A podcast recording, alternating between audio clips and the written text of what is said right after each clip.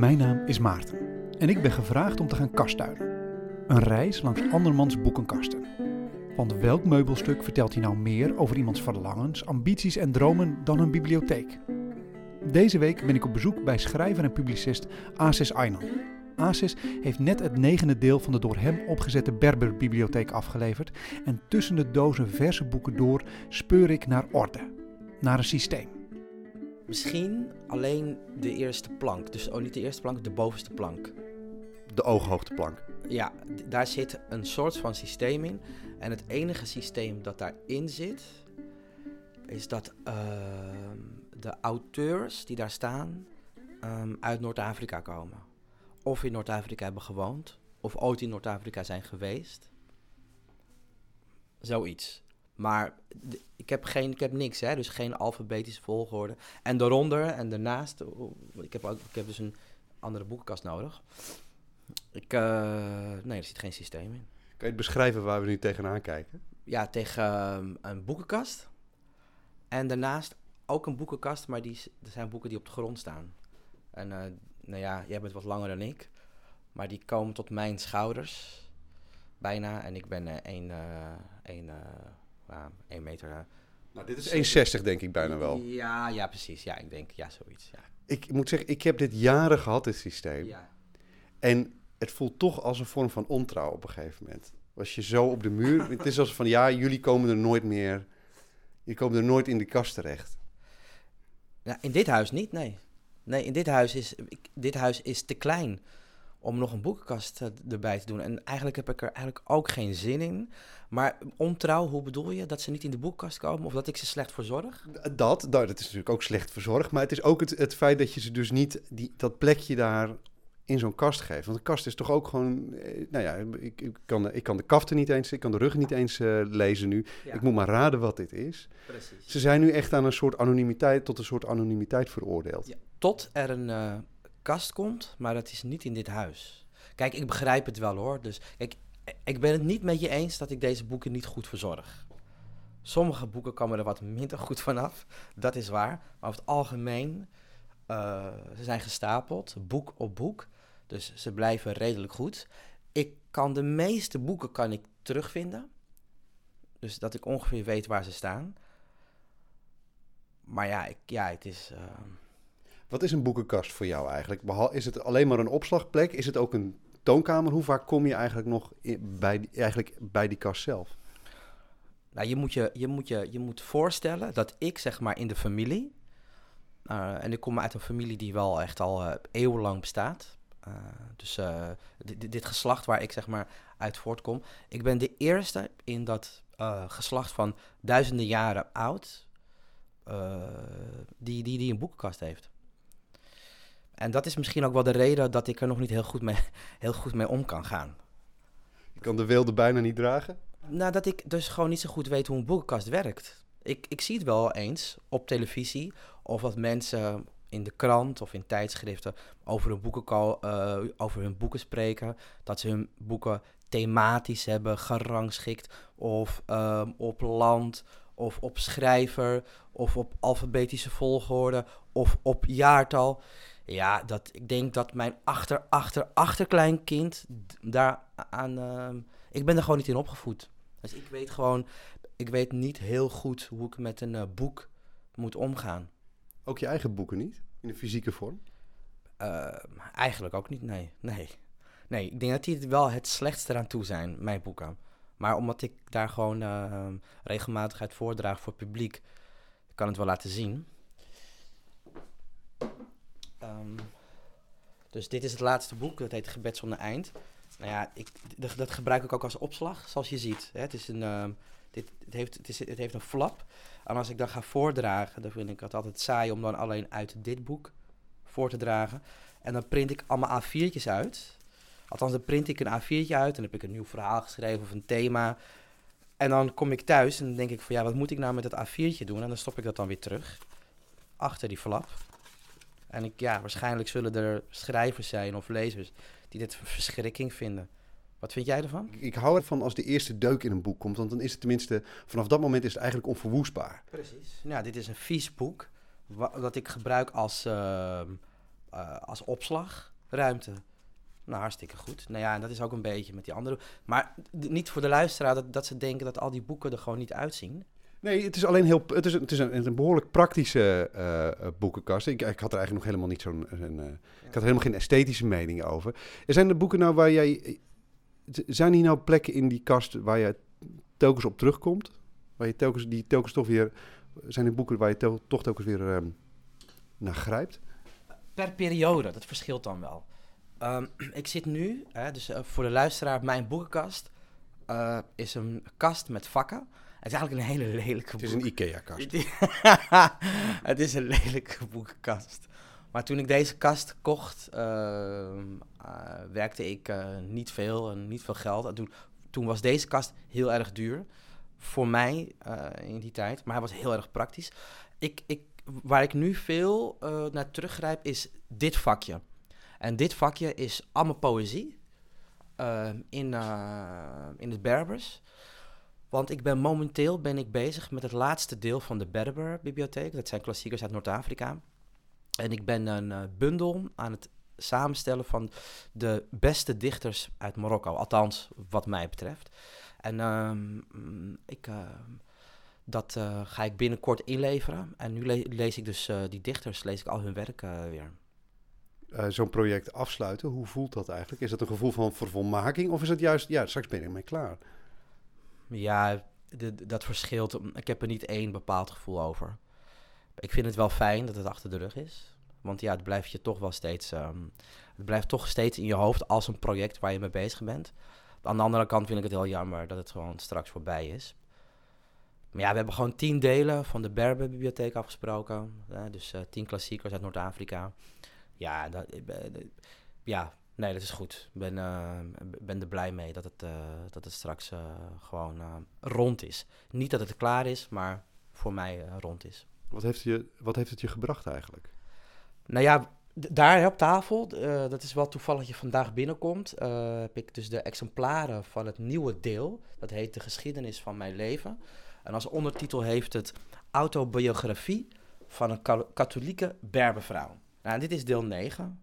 En dat gaat dus over Fatima Amrouche.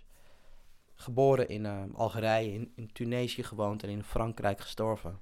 En eh, heel jong katholiek geworden omdat, eh, niet zozeer dat zij katholiek, dat zij niet in de katholieke God geloofden. Alleen de katholieken hadden brood. Dus, eh, dat, en dat, dat, dat, legt ze op een prachtige manier uit in het, in het boek. De eeuwige buitenstaander heeft ze zich gevoeld.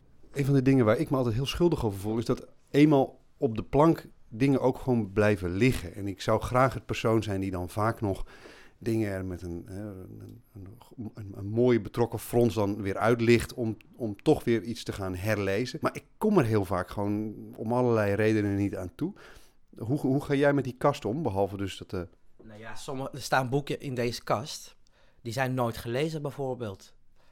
En ehm, ik weet nog wel dat ik me daar, eh, nou niet zozeer schuldig over voelde, maar in de zin van ja, als je een boek hebt, dan moet je dat wel lezen. Dus die, die, die staan hier. Er, staan wel, er zijn wel boeken dat ik denk van nou, die moet ik wel af en toe herlezen. En ehm, ik probeer dat ook wel te doen hoor. Om, ehm, en dan is het niet dus een heel boek, maar dat je dan eh, er toch, al is het maar heel eventjes in, eh, in bladeren. Dan toch weer, eh, zeg maar er zijn vaak boeken die gewoon enorme indruk eh, hebben gemaakt. zoals?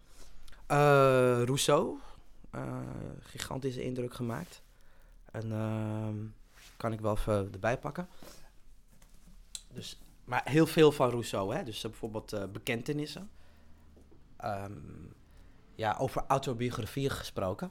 Ehm dat is echt een fantastische autobiografie. Maar ook bijvoorbeeld zijn filosofie. Hè, Dus ehm, vertoog over de ongelijkheid. Dat, dit soort dingen, dit, dit, dit herlees ik, eh, dat zie je ook wel. Dit herlees ik wel regelmatig. Wat vind je er dan in?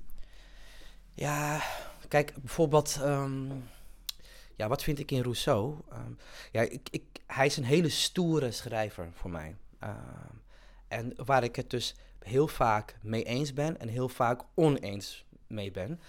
En het klinkt misschien gek, maar toen ik dus schrijvers als Rousseau las, had ik heel veel ont- ontzag voor ze. Dus dan ehm, lees je pagina voor pagina. Dan ben je ook heel voorzichtig aan het lezen. En dan ben je ook echt die woorden ben je heel erg aan het wegen. En naarmate je dus opgroeit met zo'n schrijver, dan ehm, ehm, begin je zelf ook meer bij de hand te worden. En dat je dan dus oneens bent. En dat je dan zelfs op een gegeven moment eh, aan de haal durft te gaan met de ideeën die zo'n schrijver hierop schrijft. En dat heb ik heel erg met, uh, met Rousseau. Lezen als een soort vadermoord. Niet, niet vadermoord, maar um, wel lezen als een soort van um, uh, salon. Hè? Dus in de huiskamer, dat je met elkaar praat en dan... Uh, hè, dat je dus elkaar aanvult of het een, eens met elkaar bent, of juist het hardgrondig oneens bent. Dus ik ben niet iemand die bijvoorbeeld Rousseau verwerpt. Ik weet wel dat er heel veel schrijvers dat doen en dan uh, hem een uh, hond noemen en weet ik van allemaal. En, uh, maar dat heb ik helemaal niet. Ik vind het een hele fijne, ik vind het een hele fijne, goede schrijver die, um, die um, hele interessante ideeën heeft, heeft gebracht. En, en hem, ja, de Rousseau, die, die, die, die, die pak ik graag en regelmatig weer uit de kast. Als je iets überhaupt iets leest waar je heel lang tegenaan hebt lopen hikken, bijvoorbeeld ik had het met Borges, dat je, op een gegeven moment begin je dan te lezen en opeens merk je dat je het... Kijk eens. Uh, de geschiedenis van de eeuwigheid, een andere essay. Ja. Borges. Dat je, ik weet niet of je dat ook kent, maar dat, dat bij lezen, als je op een gegeven moment merkt, ik kan het aan. Ja. Je voelt je eigenlijk bijna geïntimideerd door de materie en dan ga je lezen en opeens heb je door, oh, ik, ik, ik kan hier iets mee. Ja, ja ik, uh, ik begrijp wat je bedoelt. Ja, dat, uh, maar dat heb ik misschien meer nu momenteel met poëzie dat ik uh, toch meer opensta voor poëzie in het algemeen. Dat ik me wel uh, vaak geïntimideerd heb gevoeld door poëzie. Omdat je namelijk uh, bijna eist van de schrijver dat hij jou meeneemt en dat hij, het, dat, dat hij een verhaal opent. En niet je in een verhaal stort. Uh, dat hij de zinnen die hij schrijft, dat hij, voor, dat hij niet vanuit het dichter, niet vanuit de dichter komen, maar voor de lezer zijn. En uh, dat vond ik altijd wel heel erg lastig. En laatst las ik deze bundel. Jonge dichter overigens. Dat is um, Hanna van uh, Binsbergen. En die heeft de bundel Kwaad gesternte geschreven. En ehm, ja, dit heb ik...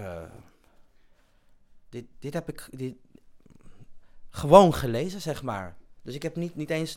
Ik heb, dit heb ik als boek gelezen, niet als dichtbundel. Um, Kun je er iets uitlichten? Ja, ik, um, een van de gedichten die ik wel mooi vond. Um, en dat, is, dat gedicht heet uh, Nu is ook nu. En ik ga niet het hele gedicht voorlezen, maar de eerste twee regels. En toen ben ik ook gestopt. Toen dacht ik: uh, Oké, okay, dit zijn echt goede regels waar ik nu mee verder kan. En die gaan als volgt. Ik weet nog niet waar ik aan werk. Ik hoop dat het iets nuttigs is. En toen heb, en toen heb ik de bundel dicht gedaan. En toen dacht ik, nou, uh, bedankt mevrouw van Beensbergen. En, maar dat vond ik heel fijn. Dus ik voelde me niet dat ik dacht van, oké, okay, wat bedoelt ze daarmee? Of uh, ik vond het hele mooie, een heel, twee hele mooie zinnen, waar ik weer uh, de dag mee verder kon. Je geloofde haar? Um, ik weet niet of ik haar geloofde, maar het waren twee goede zinnen. Ja. Sommige boeken hebben echt een aanwezigheid. Die blijven ook telkens mijn blik vangen als ik, als ik gewoon door de kamer heen kijk. Die zijn er meer nog dan alleen maar gewoon dat het dat werk is. Het is, het is een object. Het, het vult de ruimte veel meer dan andere boeken ja. doen. Zitten er ook voor, de, voor jou dat soort zwaargewichten we kunnen, tussen? We kunnen op zich nu wel even een spelletje doen. Um, welk boek uh, is jouw eye-catcher? Of vangt, hoe hè, wordt gevangen? Oké, okay, wacht even. Dan ga ik even kijken. Moment. Um,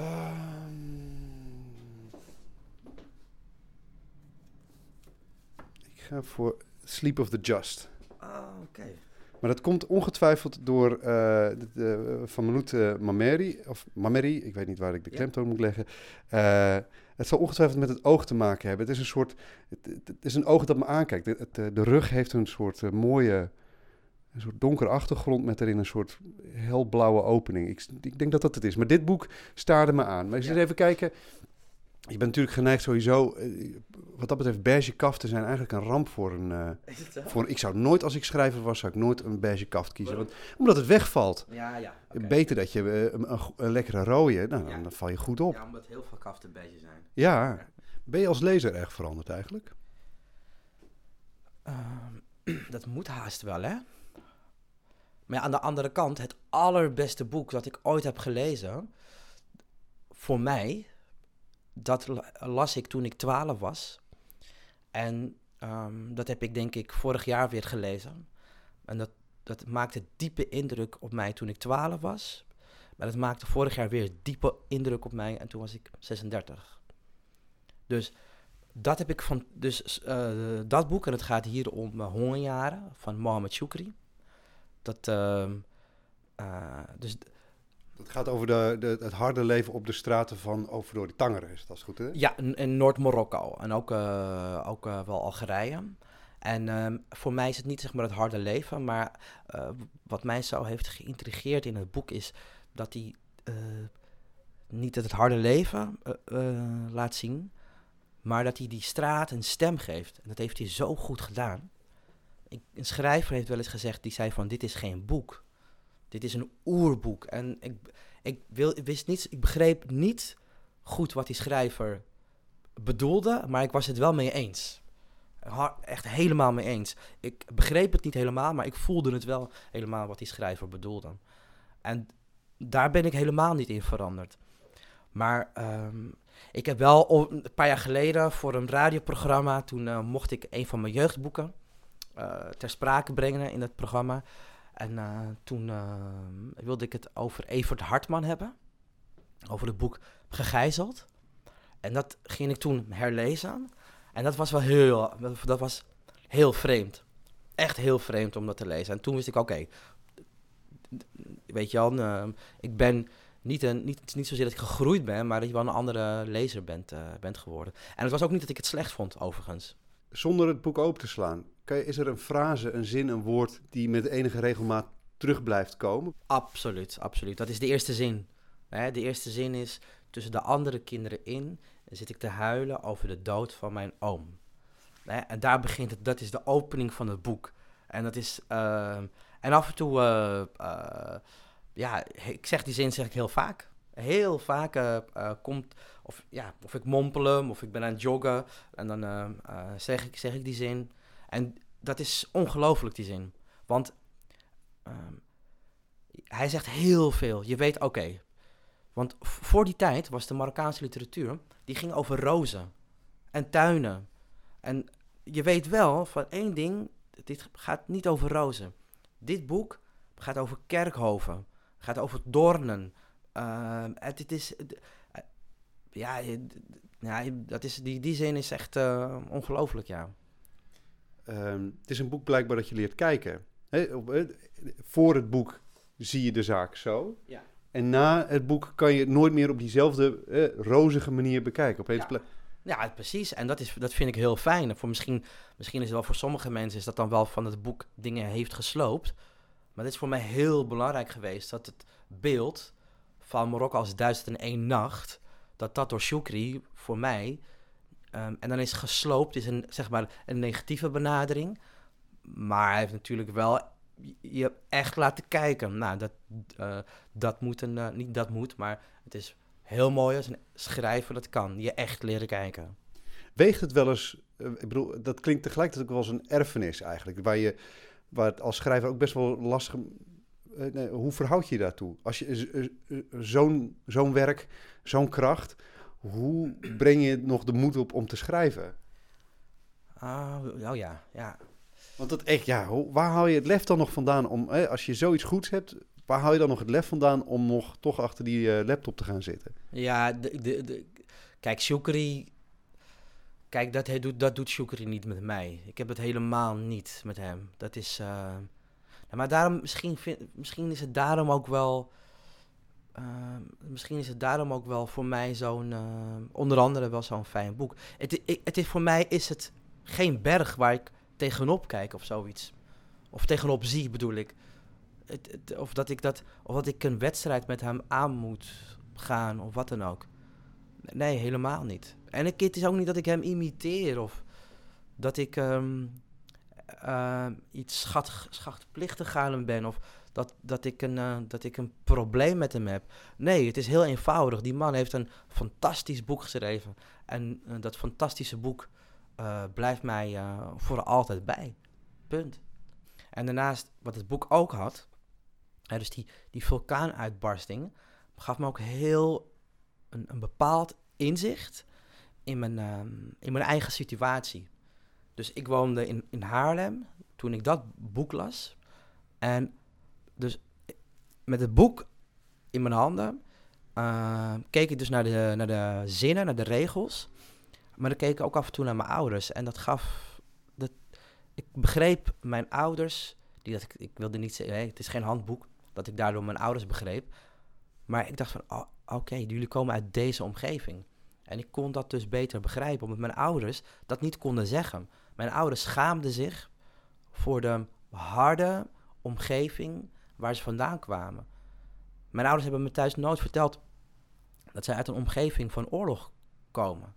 Dat wist ik helemaal niet. Ik wist wel, ja, voor mij was Maro- Marokko echt een heel mooi land van de vakanties, met ezeltjes en, ehm, en ehm, ja, er, was altijd eten. En, maar later begreep ik dus dat die familie eh, zich dus acht weken, want zo lang waren we daar, of zes weken, zich ging uitsloven.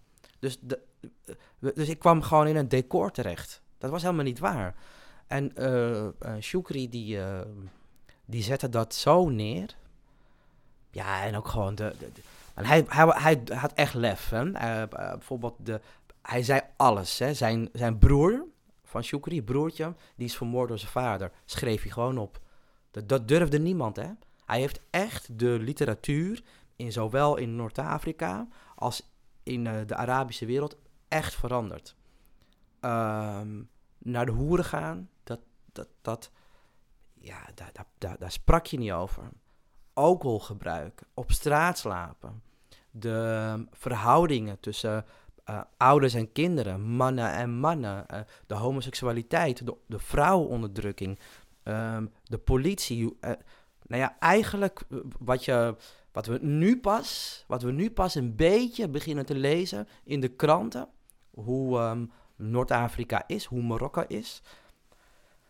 Ja, dat deed Shukri, had, die, deed dat gewoon begin jaren zeventig. Nou, dat is echt een... ehm, nee, het boek, dat zal... De, de, de auteur sowieso eh, blijft mijn hele leven, eh, blijft hele, mijn hele leven bij me. En ik, en ik zal mijn hele leven ook eh, het, het blijven, blijven lezen. Ik geef het ook vaak weg.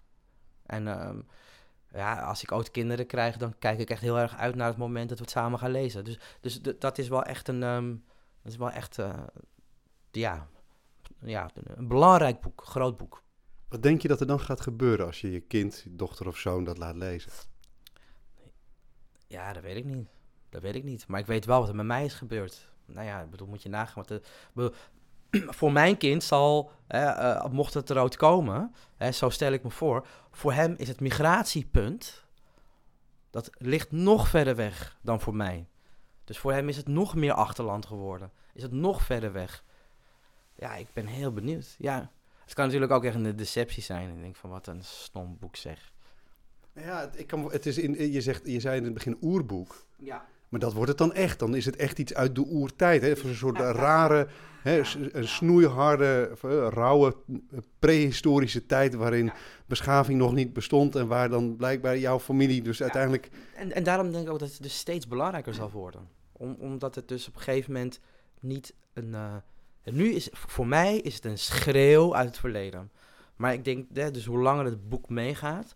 En hè, dus dat ik ook als, als een soort van, niet ambassadeur... want dat is een, echt een, hele lelijke job is dat... maar dus dat je echt een voorvechter bent voor het boek... dan dat het dan dus van schreeuw naar een beeld gaat. Ik voel dus de schreeuw. En ik denk dus dat in de toekomst dat het boek eh, een, eh, een beeld gaat worden. Wel een ijzingwekkend beeld, maar niet meer echt die schreeuw uit het, ja, uit het verleden.